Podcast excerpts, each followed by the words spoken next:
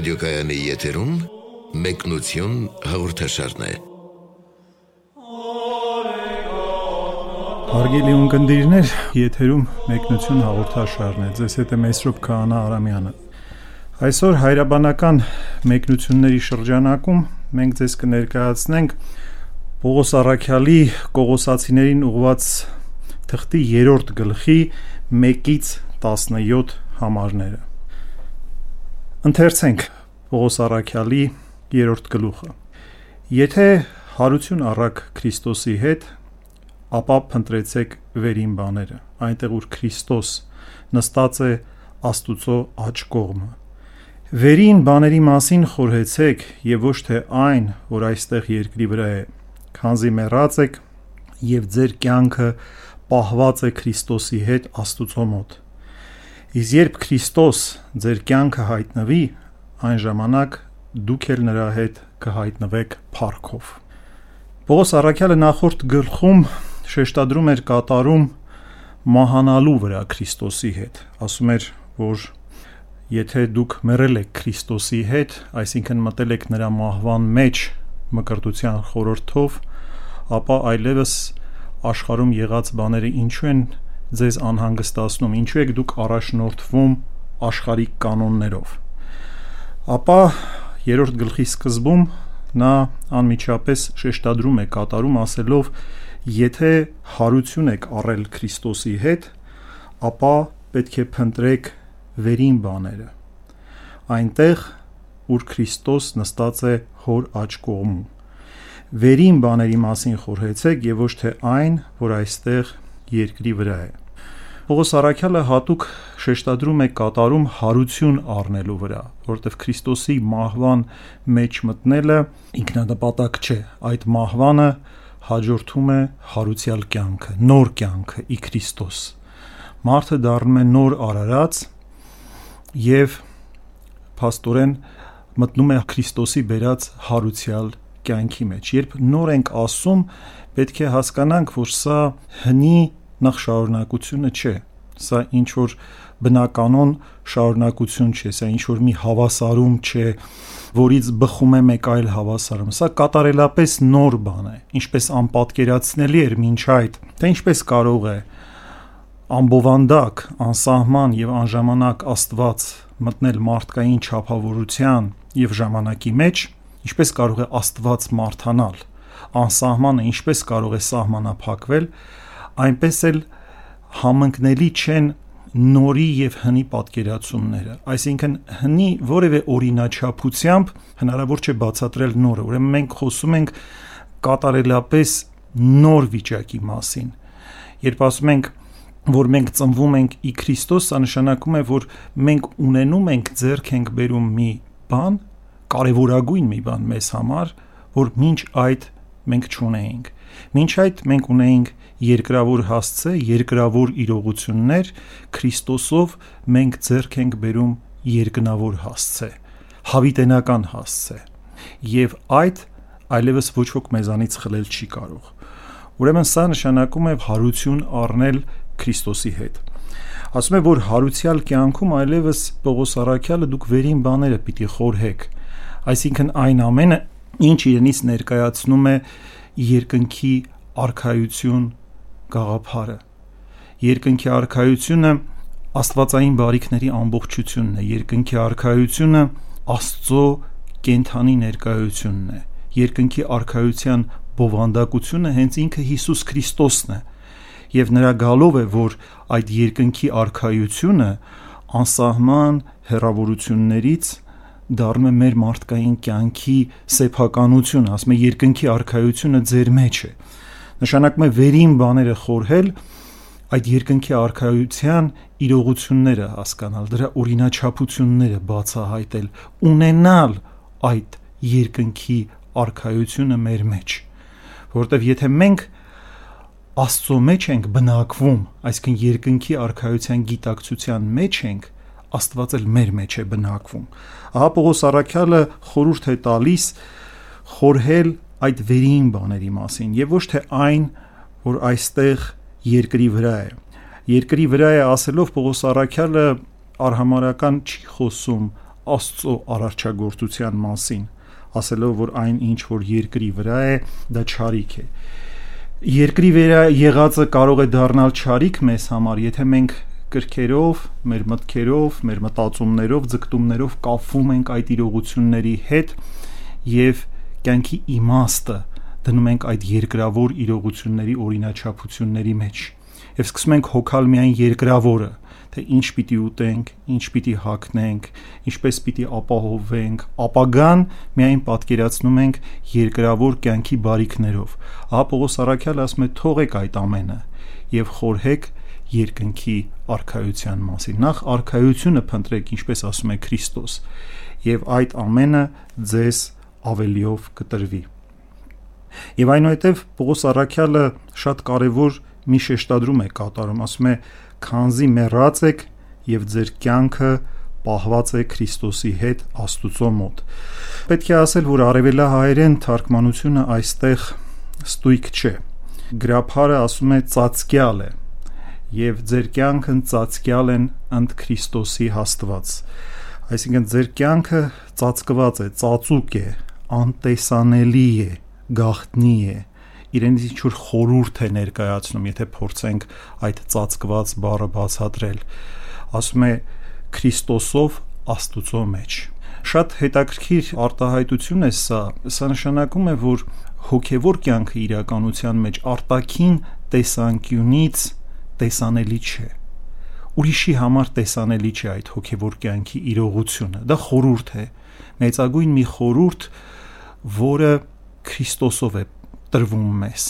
Քրիստոսով է կատարվում եւ պատահական չի որ մենք նաեւ եկեղեցու մեծագույն այդ սրբազնագործությունները օրհնաբաշխությունները նաեւ անվանում ենք խորուրդներ որտեվ խորուրդի մեջ կա ծածուկ մի բան այդ խորուրդը հեշտությամբ չես կարող պղծել փչացնել ծռմռել դա աստվածային ինչ որ մի գանձ է եւ աստվածային խիստ որոշակի նախախնամությամբ պահվում է մեզ համար եւ ասում է եթե դուք հարություն եք առել Քրիստոսի հետ ձեր կյանքը այլևս խորուրդ է իրենից ներկայացնում եւ այդ խորուրդը ծածկված է Քրիստոսով պետք է ասել որ մարդու ընդհանրապես կյանքը իրենից ներկայացնում է մի մեծագույն խորուրդ եւ կարելի ասել որ այդ կյանքի իրողությունը մարդու գոյությունը ընդհանրապես արարչագործության մեջ մեծագույն խորուրդ է, որտեղ այդ գոյության մեջ դրված է Աստվածային յուրահատուկ կնիկ, Աստված իր պատկերով եւ նմանությամբ ստեղծեց մարդուն։ Եվ նրա մեջ փչեց Սուրբ Հոգին, եւ մարդը դարձավ հոգի կենթանի։ Եվ Աստված փաստորեն մարդուն արարելով իր նման իր պատկերով եւ նմանությամբ դնում է նաև շատ յուրահատուկ հաղորդակցության իր հետ։ Եվ հենց այդ հաղորդակցությունը խզվում է մարդը կտրվում է աստվածային կյանքից եւ ողջվում է որ ինքը այլևս մեռած է Աստծո համար այսինքն ունենալով ֆիզիկական եւ հոգեկան, որոշակի զգացմունքային, մտավոր կենթանություն այս աշխարհում, այնուամենայնիվ մարդը համարվում է մեռած, ինչպես որ ասաց Աստված, եթե այս պտղից ճաշակեք, մահով պիտի մեռնեք։ Եվ մենք տեսնում ենք, որ այդ մահը նախ ֆիզիկական մահը չէր, դա հոգևոր մահ էր, որին հետո միայն հաջորդեց ֆիզիկական մահը որպես հոգևոր մահվան հետևանք։ Ուրեմն կյանքը Աստծուց տրված մեծագույն պարգև է եւ մեծագույն խորուրդ է այդ կյանքը ծածկված է իրականության մեջ Աստուծո մեջ Աստուծով է ծածկված եւ ավելին այդ կյանքը Աստծո մեջ աղբյուրն է այնտեղից հենց որ մենք մեղքի հետևանքով կտրվում ենք այդ աստվածային աղբյուրից պատնեշ է հայտնվում մեր կյանքի եւ աստվածային կյանքի միջև եւ մենք դառնում ենք այլևս Աստծո արչեւ մեռած ահա Քրիստոս գալով քանդում է այդ բոլոր պատնեշները, բերում եւ մեզ են նվիրում երկնքի արխայությունը իր մարդեղությամբ եւ կյանքի աղբյուրը ուղղակիորեն հաստատում է մարդկային բնության մեջ եւ անբաժանելիորեն է հաստատում, հավիտենապես է հաստատում։ Եվ իր հարությունից հետո ուղարկում է Սուրբ Հոգուն, որը գալիս է եւ դառնում է մեր հավիտենական մխիթարիչը եւ ուսուցիչը։ Եվ ուղղակիորեն հաջորդ խոսքը հենց այդ է շեշտադրում, ասում է երբ հայտնվի Քրիստոս ձեր կյանքը։ այն ժամանակ դուք էլ նրա հետ կհայտնվեք փառքով ասում է որ մինչև Քրիստոսի հայտնությունը իրականության մեջ ձեր կյանքը մնալու է որպես գաղտնիք եւ որպես խորուրդ, որպես ծածուկ մի իրողություն, անտեսանելի, ձեր փառքը տեսանելի չի լինելու, որովհետեւ այդ փառքը Աստծո հետ է, Աստվածային բնույթ ունի։ Եվ ասում է, որ երբ հայտնվի Քրիստոս, դուք էլ նրա հետ եք հայտնվելու ամենայն փառքով։ Այն ժամանակ է Երևալու, թե որն է եղել ձեր իրական կյանքը եւ ուղակի շեշտադրում է կատարում, ասում է երբ հայտնվի Քրիստոս ձեր կյանքը, այսինքն Քրիստոսը իրականության մեջ մեր կյանքը եւ այն կյանքը շատ հաճախ որ մենք ունենք եւ համարում ենք որ մենք ապրում ենք դա իրականության մեջ կյանք չէ այլ կյանքի ստվեր է կյանքի աղավաղում է մենք աղավաղումները մեղքի շեղումները դարձնում ենք մեզ համար կյանքի չափանիշ եւ մենք մեզ նույնացնում ենք կյանքի այդ չափանիշների հետ բայց իրական մեր կյանքը Քրիստոսն է որտեվ Քրիստոս հենց ինքը երկնքի արխայությունն է եթե մենք պատկանում ենք Քրիստոսին ապա այդ արխայությունը մեր մեջ է բնակվում եւ այնուհետեւ Պողոս Արաքյալը տալիս է շատ կարեւոր գործնական խորհուրդներ մեզ, ասելով. Սպանեցեք ուրեմն ձեր երկրավոր ցանկությունները, դեն գցեք pornկություն, բղծություն, հորի կրքեր, չարցանկություն եւ ագահություն, որ կրապաշտություն է։ Դրա համար է, որ անհնազանդ worthiների վրա գալիս է Աստուծո բարկությունը։ Դուք եք մի ժամանակ ընթանում այդ մեղքերով եւ ապրում եք դրանց մեջ։ Այժմ դուք եւս թոթափեցեք այդ բոլորը՝ բարկություն, զայրույթ, չարություն, հայություն եւ խեղկատակություն ձեր բերաններից։ Ուրեմն Պողոս Արաքյալը մեզ խորհուրդ է տալիս սپانել մեր երկրավոր ցանկությունները եւ այնուհետեւ խիստ որոշակիորեն շեշտադրում է թե ինքը ինչ նկատի ունի։ Դենք ցեցեք, pornկություն, պղծություն, հորի կրքեր, չարցանկություն եւ ագահություն, որ կրապաշտություն է։ Պողոս Արաքյալը նախ եւ առաջ ասում է, որ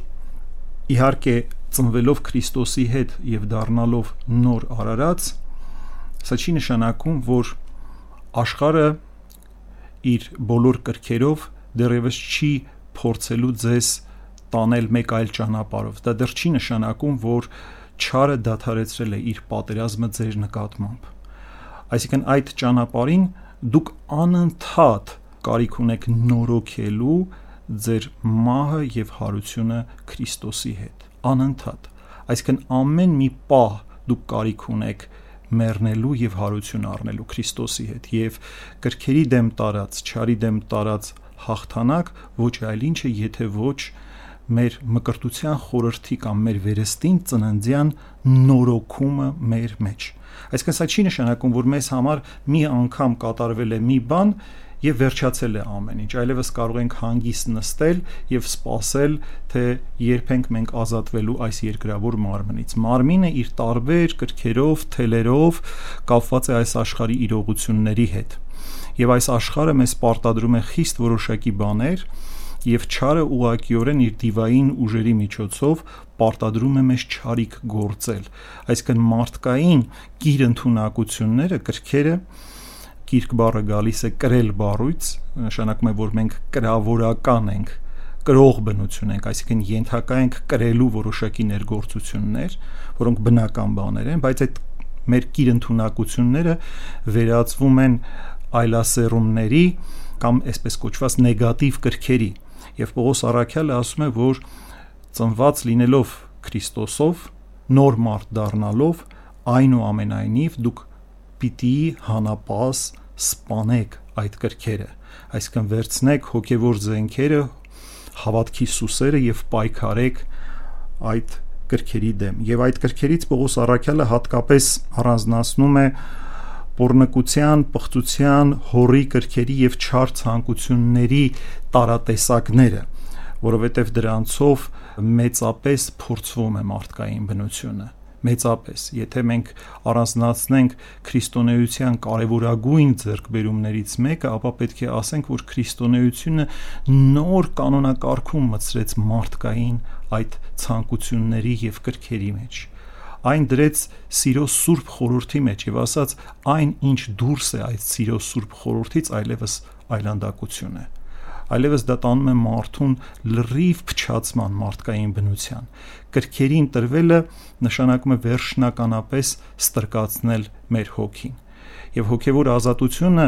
նրա մեջ է որ մենք կարողանանք այդ կրքերը, մեր այդ կրքերը ծառայեցնել ճիշտ նպատակ է։ Այդ կրքերը մեր մեջ դրված են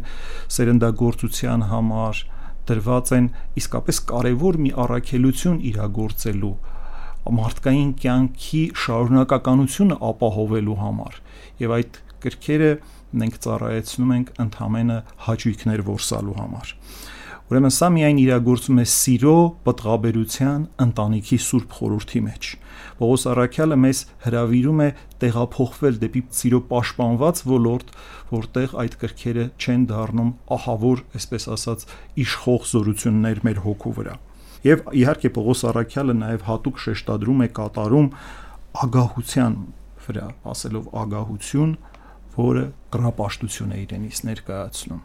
Եվ մենք կարող ենք նաև տեսնել այսօր մեր կյանքում թե կրապաշտությունը ագահության տեսքով ինչպես է փորձում մարդկանց երևի թե եթե մի բան կարելի է առանձնացնել ժամանակակից քաղաքակրթության մեջ եւ քաղաքակրթական, այսպես ասած, մեղք անվանել, ապա դա ագահությունն է, մրցավազք, մրցություն, մրցունակություն եւ այլն, այսինքն մեկը մեկից լավ լինել, մեկը մեկից շատ ունենալ եւ այլն եւ մեկը մեկից խելոք լինել, այս բոլոր բաները տարբեր ձևերով մատուցվում են մեզ, ամրագրվում են մեր գիտակցության մեջ եւ մենք դառնում ենք պարտադրված մրցակցության գերի մրցության առողջ ձևեր էլ կան, բայց միայն դա հնարավոր է, եթե մարդը ունի իսկապես կատարյալ հոգևոր ազատություն։ Երբ որ իր ձեռք բերումները նա իրենը չի համարում, այլ համարում է, որ Աստված է, որ ամեն ինչում իրեն հաջողություն է ապարգևել։ Եվ այս հոգին է, որ խցկվում է մեր մեջ եւ վերածվում է գիտակցված կամ չգիտակցված ագահության, ագահության շատ տարատեսակներ կան, միայն նյութական ագահությունը չի, որը իսկապես դառնում է կրապաշտության, այսինքն նյութապաշտության հիմք մարդկային կյանքում։ Դրա համար է Պողոս Արաքյալը շարունակում է, որ անհնազանդ worth-իների վրա գալիս է Աստուծո բարկությունը։ Եվ դուք էլ եք մի ժամանակ ընթանում այդ մեղքերով եւ ապրում դրա մեջ այսինքն ցույց է տալիս մարդկության նախկին վիճակը երբ մարդկությունը ուղակիորեն մեղքի մեջ էր չկար Քրիստոսի լույսը եւ ազատագրման ճանապարհը բացորոշ չէր թե մարդը ինչպես պիտի կարողանա ազատվել այդ մեղքի աներևակայելի բռնությունից եւ Պողոս Արաքյալը այնուհետև մեկ այլ շեշտադրում է կատարում ասելով դուք եւս թոթափվեցեք այդ բոլորից բարկություն, զայրույթ, չարություն, հայություն, խեղկատակություն ձեր բերաններից նորից խոսում է Պողոս Արաքյալը մեկ այլ կարևոր փորձության մասին, որը բարկությունն է, որը իհարկե այնքան խորը գիրք չէ արմատացած մարդկային բնության մեջ, ինչպես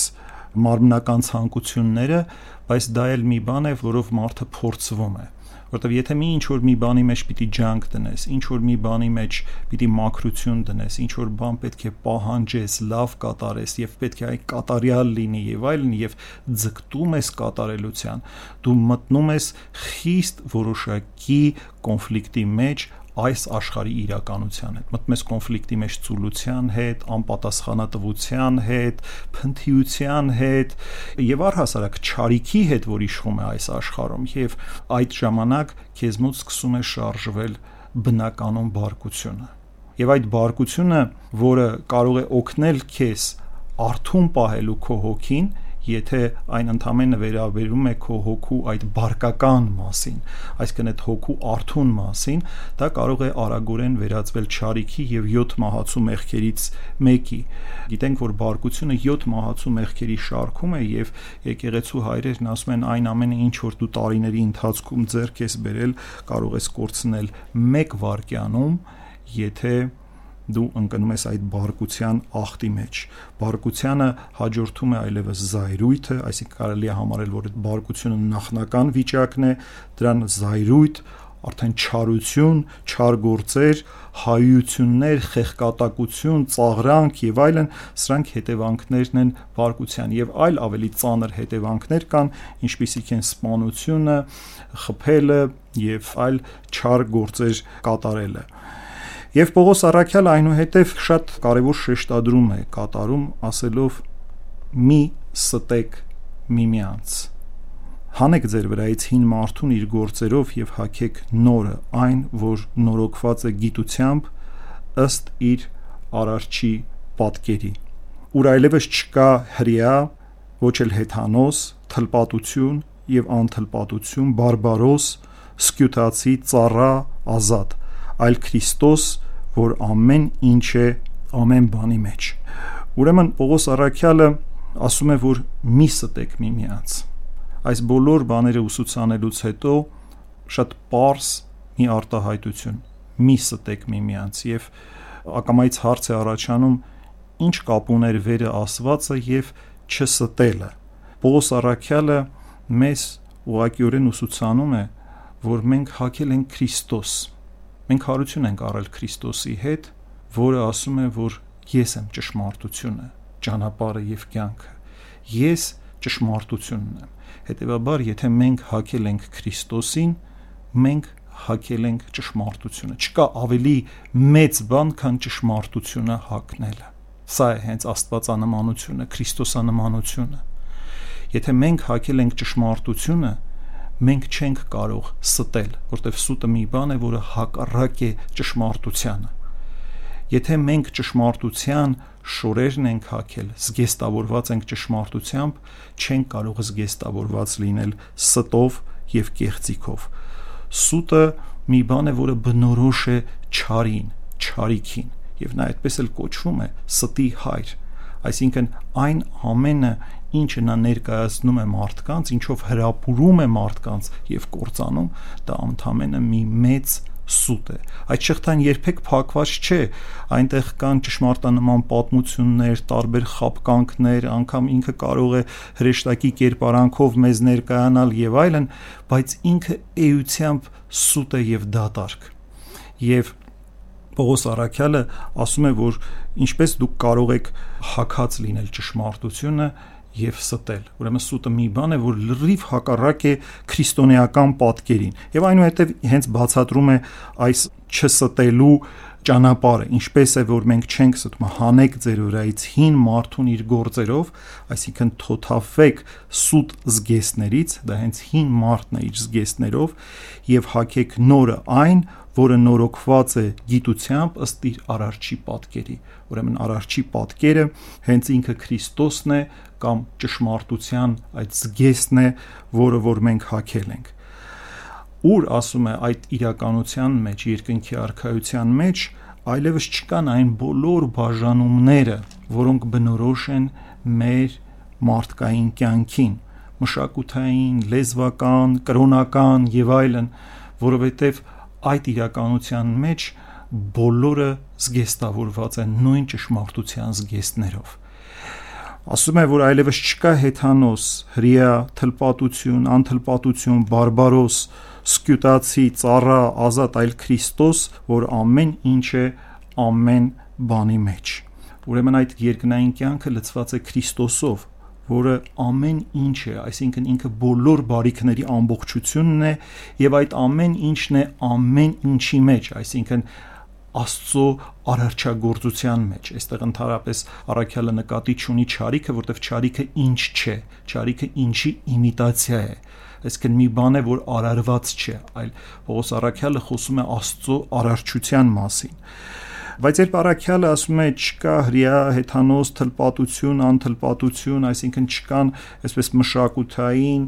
ժառանգական, կրոնական եւ այլն բաժանումներ, պետք չէ դիտել, որ այս ամենը ճարիք է եւ զուտ ծառայել է ճարիքի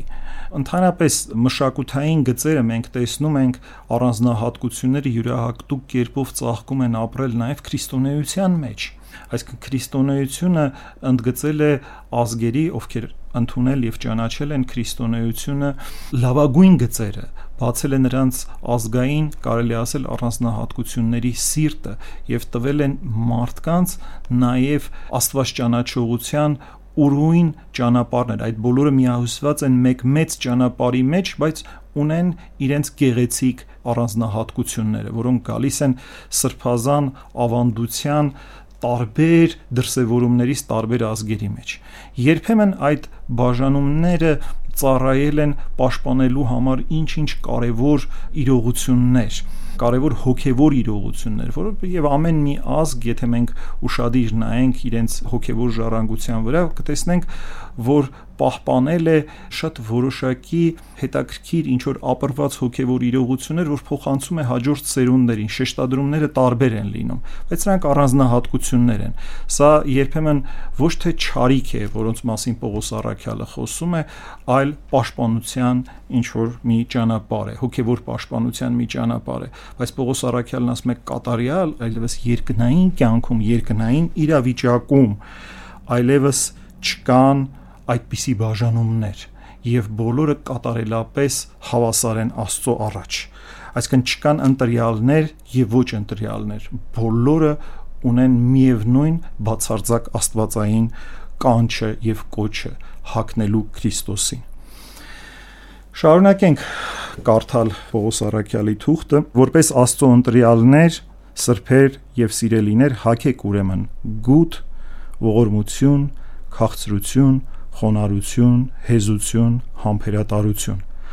հանդուրժելով միմյանց, ներելով միմյանց, եթե մեկը մյուսի դեմ գանգատ ունի, ինչպես Աստված Քրիստոսով ներեց ցես։ Նույն ձևով եւ արեք դուք։ Եվ այս բոլորի վրա հագեք սերը, որը կապն է կատարելության, եւ ձեր սրտերում թող հաստատվի Քրիստոսի խաղաղությունը, որին եւ կոչվեցիք մեկ մարմնով եւ գոհություն մատուցեցեք։ Պողոս Արաքյալը մեզ կոչ է անում գթասրտության, ողորմության, ներողամտության եւ խոնարհության, այսինքն Պողոս Արաքյալը մեզ կամենում է ուսուցանել ճշմարիտ կյանքի չափանիշները, ինչ է նշանակում քրիստոնեություն։ Քրիստոնեությունը առանց այս առաքինությունների, առանց համբերատարության ընդհանրապես ընկալելի չէ։ Առանց խոնարհության ընդհանրապես անիմաստ բան է քրիստոնեությունը, եթե մեր կյանքում չկա իրագործված խոնարհությունը։ Ասում են ներեք միմյանց, այսինքն ներողամիտ եղեք, ճշմարիտ մարդկային կյանքի չափանիշները, փոխհարաբերությունների չափանիշները դնում Պողոս Արաքյալը։ Ներեք միմյանց։ Ինչի, որովհետև Աստված էլ ձեզ է ներել եւ դա այնպիսի մի ներում է, որ աներևակայելի իր ճափի եւ բովանդակության մեջ այդ ներումը մենք ոչ մի բանով չենք կարող գնել մեր մարդկային ճիքերով, հարստությամբ, կարողությամբ, ոչինչով չենք կարող վճարել այդպիսի ներման համար, բայց Աստված մեզ ներեց։ Եվ այդ ներման համար Աստված վճարեց շատ մեծ գին իր որդու մահը Աստված մեռավ մեզ համար, չարչարվեց եւ մեռավ եւ մեզ ազատագրեց մեղքի իշխանությունից։ Այդպիսի մեծ գին է մեզ համար վճարվել։ Եթե Աստված այդպիսի ներողամտություն է ցուցաբերել մեր նկատմամբ, նույնը եւ մենք պետք է անենք մեր եղբայրների համար։ Եվ Պողոս Արաքյալը այնուհետև կարևոր 3 քրիստոնեական, այսպես առաքինությունների հոգևոր վիճակների վրա շեշտադրումներ է կատարում, որոնք մեծագույն եւ գերագույն հոգևոր պարգևներ են, ասելով, որ այս բոլորի վրա հագեք սերը, որ կապն է կատարելության։ Այսինքն Քրիստոսի եկեղեցում, ուր մարդկային ճշմարիտ փոխհարաբերություններն են, բոլոր անդամները իրար հետ կապված են սիրով։ Սերն է կատարյալ կապը մարդկանց մեջ։ Ուրեմն առաքյալը մեզ խորհուրդ է տալիս, որ այս ամենը բոլոր առաքինությունները, որ մենք իրագործենք, հասկանանք, որ այդ բոլոր առաքինությունների նպատակը սերն է։ Այսինքն խոնարհություն եթե անում ենք, դա ինքնանպատակ չէ, անում ենք, որ ավելի սիրով լցվենք Եթե խոնարհություն պիտի անենք, բայց մեր մեջ պիտի մտնեն վախեր, պիտի ծածուկ ինչ որ բաներ մտածենք, չարտահայտվենք, ատենք, ինչ որ չարություն կուտակենք եւ արտակուստ խոնար Երևանք, դա խոնարհություն չէ, դա հակախոնարհություն է։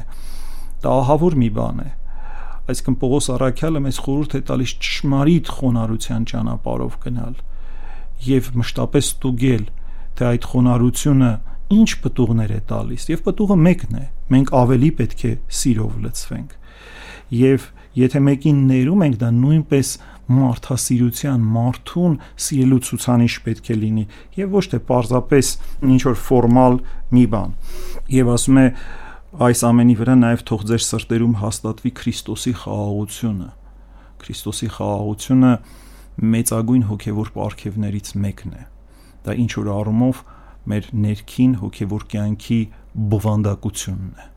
ասում եմ իմ խաղաղությունն եմ թողում ձեզ ոչ այնպես ինչպես որ այս աշխարհն է թողում այսինքն Քրիստոսի խաղաղությունը մի բան է որը չունի այս աշխարհը այս աշխարհի խաղաղությունը հակված է մեզ շեղելու ճշմարտությունից քնեցնելու թմրեցնելու հաճույքների մեջ ընկղմելու խապկանքներ ստեղծելու եւ այս աշխարհի խաղաղությամբ մենք շատ հաճախ ենք խափում։ Դրա համար Քրիստոս իր խաղաղության եւ այս աշխարհի խաղաղության մեջ դնում է խիստ որոշակի տարբերակում, ասելով, որ իմ խաղաղությունն եմ թողնում ձեզ ոչ այնպես, ինչպես այս աշխարհն է տալիս։ Եվ ամենահաճախ կատարվող նաև ծիսական ակտը պատարակի ժամանակ, եթե ուշադրություն եք դարձրել, սիրելի ունկնդիրներ, հենց խաղաղության բաշխումն է, քահանան շրջվում է եւ խաղաղություն է բաշխում ժողովրդին եւ ժողովուրդն էլ ասում է նաեւ քո հոգուն եւ այդ խաղաղությունը հենց հոգեվոր կյանքի ներքին բովանդակությունն է եւ աստվածային իրականության ներդաշնակությունն է դա կարելի ասել երկնքի արխայության բնութագրիչն է եթե մարդը ունի հոգեվոր խաղաղություն երկնքի արխայությունը այդ մարդու մեջ է բնակվում եւ այնուհետեւ երրորդ շեշտադրումը Պողոս Արաքյալը ասում է գոհություն մատուցեցեք, այսինքն քրիստոնեական կյանքը пассив կյանք չէ։ Քրիստոնեական կյանքը անընդհատ գոհության վիճակ է առաստված։ Սա նաև աղոթքի ներքին էությունն է, արարչի փառաբանման իրողությունն է, երբ մենք լցված ենք սիրով եւ աստվածային խաղաղությամբ եւ այդ խորը խաղաղության միջից մեծագույն աստվածային ջերմությամբ գոհություն ենք մատուցում Աստծուն։ Շարունակենք Պողոս Արաքյալի Կողոսացիներին ուղված թղթի ընթերցումը։ Թող Քրիստոսի խոսքը բնակվի ձեր մեջ առատապես, որ կատարյալ իմաստությամբ ուսուցանեք եւ խրատեք միմյանց։ Սաղմոսներով, օրհներգություններով, հոգեվոր երգերով եւ երախտագիտությամբ օրհնելով ձեր սրտերում Աստծուն եւ ինչ որ անեք խոսքով, գործով, բոլորն էլ արեք Տեր Հիսուսի անունով։ Գոհություն մատուցեցեք նրանով Աստծուն եւ Հորը։ Պողոս Արաքյալը կարծես շարունակում է այս գոհության վիճակի մեկնումը, ասելով, որ թող Քրիստոսի խոսքը բնակվի ձեր մեջ առատապես։ Այսինքն Աստվածային խոսքը, որը որ մեզ բացված է նրա որդու մարդեղությամբ, բանն Աստծո, այսինքն խոսքի մարդեղությամբ, թող ձեր մեջ բնակվի։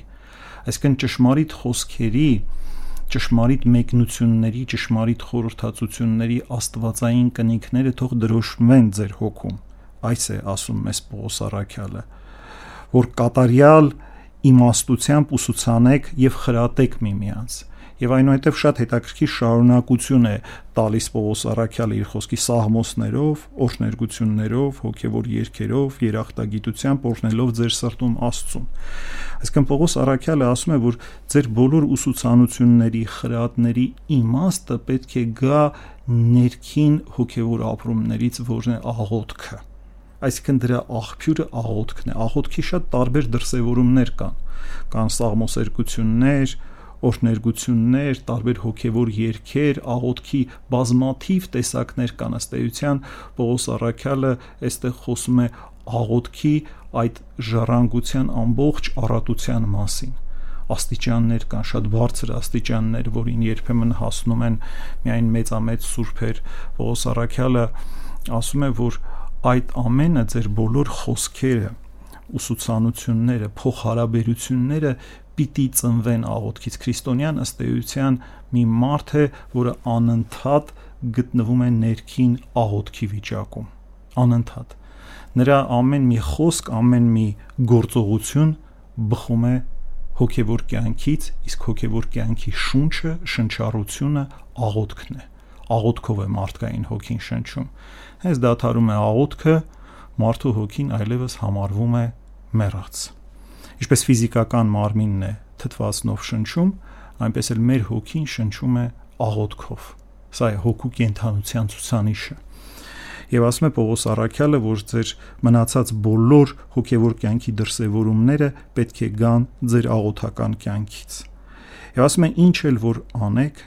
ինչ գործ այս աշխարհում անեք, հիշեք նպատակը։ Որտեղ եթե նպատակը չգիտեք, Ձեր արած գործերը ինչ որ առումով անիմաստ են, ինքնանպատակ գործեր են դառնում, նույնիսկ անգամ եթե հոգևոր գործեր են։ Ասում է ինչ որ անեք, արեք Տեր Հիսուս Քրիստոսի անունով։ Այսինքն Քրիստոսն է մեր կյանքի նպատակը։ Ինչպես սկզբում էր շեշտադրում Պողոս Արաքյալ ասում է, երբ հայտնվի Քրիստոս ձեր կյանքը, մեր կյանքը հենց ինքն է, մեր կյանքը կյանքի նպատակը եւ մեր կյանքի լուսավորությունը, ճառագայթը, ներքին բովանդակությունը ենց ինքը Քրիստոսն է։ Դրա համար ինչ որ անենք, մենք պետք է Քրիստոսի անունով անենք։ Եվ անընդհատ պետք է նրա միջոցով գոհություն մատուցենք Աստծուն եւ Հորը։ Ահա սրանով Պողոս Արաքյալը ամբողջացնում է քրիստոնեական ներքին կյանքի պատկերը Թույլ տվեք սրանով եզրափակել մեր այսօրվա խորհրդածությունները Պողոս Արաքյալի Կորինթացիներին ուղված 3-րդ գլխի 1-ից 17-րդ համարների շուրջ եւ այժմ անդրադառնանք ունկնդիրների ուղված հարցերին։ Հայտնի է, որ հայ առաքելական եկեղեցին ինքնասպանության դեմ է։ Իմ քրոջ 16 ամյա աղջիկը հոր մահվան լուրը ստանալուն պես ինքնասպան է եղել Սակայն ես ինքս չեմ համարում, որ դա ինքնասպանություն է, քանի որ Աստվածաշնչում ասվում է. չկա ավելի մեծ սեր, քան սեփական անձը զոհաբերելը հանուն ուրիշի։ Ինչ կասեք դուք Տեր հայր, արդյոք այս աղջիկը պետք է դատապարտվի իր այս արարքի համար։ Գիտեք, ընդհանրապես ինքնասպանության շատ տարբեր տեսակներ կան եւ բոլորը նույն չափով չեն չափվում։ Ես կարծեմ սրա մասին մի քանի անգամ անդրադարձել եմ տարբեր զրույցների ընթացքում ինքնասպանություն են գործել եւ ցեղասպանության ժամանակ մայրերը իրենց երեխաների հետ նետվել են որպեսի չպղծվեն եւ մենք դա չենք դիտում որպես ինքնասպանություն այդ մեղքի, այսպես ասած, հենց բուն իմաստով տարբեր տեսակներ կան, այսինքն ինքնասպանության տեսակներ կան, որ մարդը ընդհանրապես ինքը լրիվ անկառավարելի վիճակում է գտնվում եւ գիտակցված չի գործում եւ այստեղ չենք կարող դա լրիվ գիտակցված ինքնասպանություն դիտել ընդհանրապես բուն ինքնասպանությունը դա գիտակցված կյանքի ընդհատումն է, կատարյալ անհուսության մեղքն է եւ անհավատության։ Երբ մենք լրիվ անհույս եւ անհավատ վիճակի մեջ ենք եւ համարում ենք, որ այդ կյանքը մեր սեփականությունն է եւ կարող ենք դադարեցնել այն ժամ, երբ մենք դա կամենում ենք եւ իրագործում ենք դա, սա է հենց ինքնասպանությունը։ Շատ հաճախ ասենք ինքնասպանությունները եղել են նաեւ շատ խորը մեծ վշտի մեջ եւ ինչպես մեր ունկնդիրն է փորձում ասել, այսինքն մարդը սիրուց կամ շատ ծանր վշտից այդ վշտի ծանրության տակ կարող է ինքնասպանություն գործել։ Իհարկե Աստված ինքն է յուրաքանչյուր մարդու դատելու եւ չափը որոշելու որտեղ է դա ինքնասպանություն եւ որտեղ է դա ոչ ինքնասպանություն եւ որտեղ կա դրա մեջ դրված սեր եւ որտեղ կա դրա մեջ դրված ատելություն, անհուսություն եւ այսպես ասած անելանելի իրավիճակում հարցը մեկ հարվածով լուծելու ինչ որ ցանկություն։ Ուրեմն այստեղ պետք է զգուշ լինել, ես հիմա չեմ կարող որևէ բան ասել, այսինքն մարդը ինչքանով է հավատքի մեջ եղել, ինչքանով հավատքի մեջ չի եղել եւ այլն Մեր ունկնդիրը շատ հետաքրքիր հարց է տալիս, բայց ես ուզում եմ ունկնդրի ուշադրությունը սևեռել մեկ այլ հանգամանքի վրա։ Շատ մարդիկ կան, որոնք բնականon կյանքով են մահանում առանց ինքնասպանություն գործելու մարդկանց ճնշող մեծամասնությունը եւ այդ մարդիկ Աստծո ներողամտությանը կամ արխայությանը չեն արժանանալու, որովհետև նրանք հավատքի կյանքով չեն ապրել։ Այսինքն բավական չի միայն որ մարդը ինքնասպանություն չի գործել, շատ ավելի կարևոր պահանջներ կան մարդու նկատմամբ, թե մարդը ինչ հոգևոր կյանքով է ապրել ինչ արժանինքներ է ունեցել Աստծո առաջ եւ այս ամենը պետք է անաչառորեն կշռվի երկնքի արխայությունը Աստծո ժառանգությունը այնպիսի մի բան չէ որ մենք հատուկ այսպես ասած ինչ որ սովորական մեր կյանքով քայլերով իմիջայլոց ժառանգենք Եվ ուզում եմ ասել, որ այստեղ ոչ թե պետք է կենտրոնանալ այդ ինքնասպանության պահի վրա, այլ մեր ունկնդիրը պետք է փորձի հասկանալ, թե ինչ հոգևոր սկզբունքներ են եղել այս կամ այն անձի մեջ, անկախ նրանից, ասենք, մարդը ինչ տարիքի է եղել, ինչ կարգավիճակում է եղել, արդյոք այդ հոգևոր գիտակցությունը եղել է եւ մարդիկ հոգևոր կյանքով են ապրել, պատկանել են Քրիստոսին, թե չեն պատկանել։ Մեր պատկանելությունը Քրիստոսին սկսում է հենց այս կյանքից։ Կամ մենք նրանն ենք, կամ մենք նրանը չենք։ Կապ չունի թե ինչ վիճակում ենք գտնվում։ Եվ նույնիսկ սուրբերը, որոնք որ արժանացել են Աստծո այդ արխայությանը, սուրբերը մինչև իրենց կյանքի վերջը, մինչև վերջին շունչը պայքար են մղել եւ վստահ չեն եղել որ իրենք արժանանալու են որն է Քրիստոսի պատկերի եւ նմանության տարբերությունը դրանք շատ նման են եւ պետք չէ դիտել դրանց հատկապես տարբերությունը դրանք շեշտադրումներ են պատկերը դա հենց նմանությունն է պատկերը դա աստվածային կնիքն է եւ դաջվածքն է պատկերը աստվածային իրականության ներկայությունն է մեր մեջ ինչպես որ ասացինք օրինակ աստված փչեց իր շունչը եւ մարդը եղավ հոգի կենթանի։ Պատկերը մեր հոգու անմահությունն է։ Նմանությունը նշանակում է, որ մենք շատ հատկություններով, հատկապես մեր անմահ հոգով եւ նաեւ Քրիստոսի մարդեղությամբ, այսինքն մարդկային բնությունը հակնում ենք նման ենք Աստծուն։ Մենք նման ենք նրանով, որ ինչպես Քրիստոս Աստծո որդին է, ըստ էության եւ ըստ բնության, մենք էլ ենք կոչվում Աստծո որդիներ ըստ շնորի։ Մենք Քրիստոսի եղբայրներն ենք դառնում քրիստոնյաներս։ Քրիստոս որդին է Աստծոս բնության, մենք էլ որդիներ ենք դառնում ավազանի շնորներով։ Ահա մենք տեսնում ենք, որ Քրիստոսով մենք բազմակի նմանություններ ունենք։ Այսինքն Աստծո պատկերը եւ նմանությունը լիակատար կերպով բացահայտվում է Հիսուս Քրիստոսի միջոցով։ Հիսուս Քրիստոսի բերած կյանքով ասում է, երբ հայտնվի Քրիստոս ձեր կյանքը այսինքն հենց դա էլ նշանակում է պատկեր եւ նմանություն այսինքն մենք ունենք կյանք բայց բազում է որ այդ կյանքը չի ճշմարիտ կյանքը այլ Քրիստոսն է ճշմարիտ կյանքը ուրեմն մեր կյանքը պետք է նման լինի Քրիստոսի կյանքին Նկատել եմ, որ կան հավատացյալներ, որոնք փորձում են արդարացնել շնության մեղքի մեջ ընկած տղամարդկանց, ըստ ձեզ արդյոք արդարացում կա այս մեղքի համար Ես չեմ պատկերացնում ինչպես են իրենք արթարացնում շնության մեջ անկած տղամարդկանց շնությունը կամ բղջախոհությունը շնությունը բղջախոհության տեսակ է 7 մահացու մեղքերից մեկն է եւ շատ ծանրագույն մեղք է եւ ինչպես արդեն տեսանք Պողոս Արաքյալի ուսուցումներից հատուկ շեշտադրում է կատարում Պողոս Արաքյալը որ այդ կրքերը մենք պետք է սպանենք մեր մեջ այդտեղ սպանել բառը։ Շատ տեղերում ինքը օգտագործում է թոթափեք, դեն նետեք, մի կոմ նետեք եւ այլն, բայց այստեղ Պողոս Արաքել ասում է սպանեք դրանք։ Այսինքն դրանք բաներ են, որոնք անընդհատ վնասազերծման կարիք են զգում, այլապես մարդկային հոգում կարող են դառնալ մեծագույն չարիք։ Եվ նույնիսկ քաղաքակրթական առումով էլ, եթե մենք դիտենք, թե ինչ է բերել քրիստոնեությունը, քրիստոնեությունը մեզ ազատագրել է այդ մեղքի պաշտամունքից դա պաշտամունքի էր վերածվել հին աշխարհում Սա մեծագույն ապարքևներից մեկն է, որ տվել է մեզ քրիստոնեությունը այդ բազմակնությունից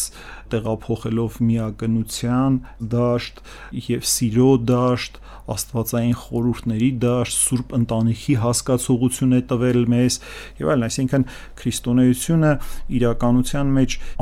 ամենաանզիջում պայքարն է մղել այդ մեղքի դեմ եւ քրիստոնեության մեծագույն նվերներից մեկը այդ կրքի ճիշտ իրագործման հասկացողությունն էր, որ տվեց մարդուն, որ դա ընտանիքի սերնդագործության, պատղաբերության համար է եւ ոչ թե փուչ վայելքների։ Հայտնի է, որ տիեզերքում միլիոնավոր, միլիարդավոր գալակտիկաներ կան։ Արդյոք միամտություն չէ կարծելը, որ հսկա տիեզերքը Աստված ստեղծել է միայն մեր փոքրիկ մոլորակի վրա ապրող մարդկանց համար։ Չգիտեմ, մեր ունկնդիրը ինչ գիտի այդ գալակտիկաների մասին, որ ասենք մենք չգիտենք կամ ինչ տեղեկություններ է ստացել այդ գալակտիկաներից, որ մարդկությանը հայտնի չէ կամ ինչու է միամտություն անվանում տիեզերքի երկրակենտրոնությունը տիեզերքում շատ բաներ կարող են լինել տիեզերքում կարող է լինել նյութական, այսպես ասած, օրենքներ, նյութ կա տիեզերքում, բայց տիեզերքում նաև կա կյանք։ Եվ այդ կյանքը կարող ենք ասել, որ ամենատարօրինակ բաներից մեկն է տիեզերքում, ամենաանհավանական բանն է տիեզերքում, որ ոչ մի բանով պայմանավորված չէ։ Եվ այդ կյանքը մենք տեսնում ենք մեր մոլորակի վրա։ Մենք կարող ենք տիեզերքի անվերջ մեծությամբ հիանալ, բայց չհիանալ կյանքի իրականությամբ։ Բայց այդ կյանքը ավելի մեծ եւ տարօրինակ է, քան տիեզերքի անվերջությունը։ Մեկ մարդկային գենոմի մեջ կա գրված ավելի շատ ինֆորմացիա, քան պարունակում են մեր ամբողջ տիեզերքի տարական մասնիկները միասին վերցրած։ Սա հաշված է մաթեմատիկորեն։ Այսինքն նշանակում է կյանքը շատ ավելի խորն է, ես դեռ նկատի ունեմ ֆիզիկական կյանքը, դեռ մարդուն չանդրադարձա։ Շատ ավելի խորը եւ տարողունակ է կյանքի ընդամենը մեկ մոլեկուլը, մեկ գենը, մեկ բջիջը, քան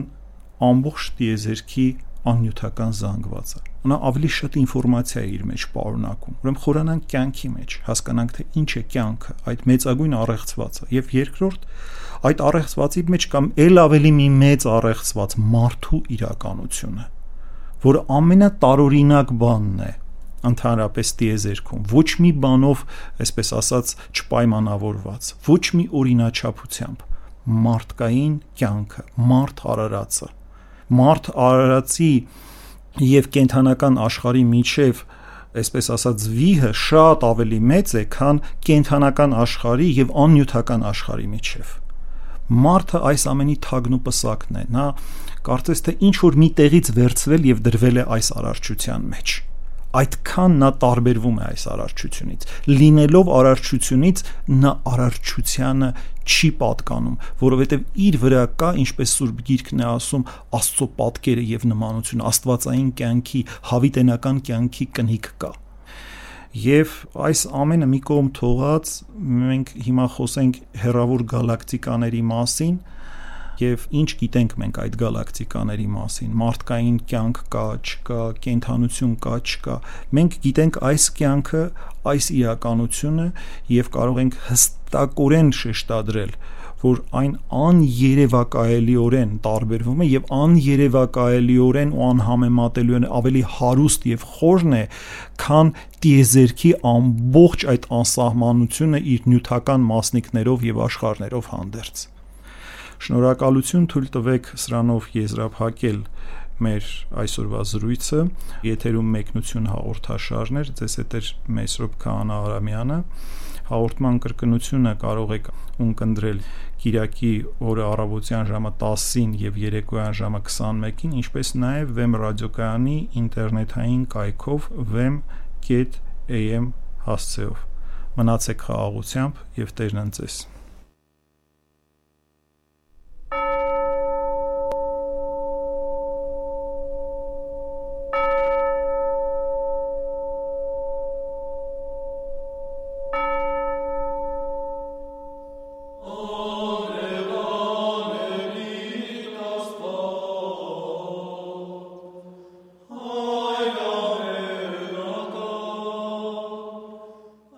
Վեմ ռադիոկայանի եթերում մեկնություն հաղորդաշարներ։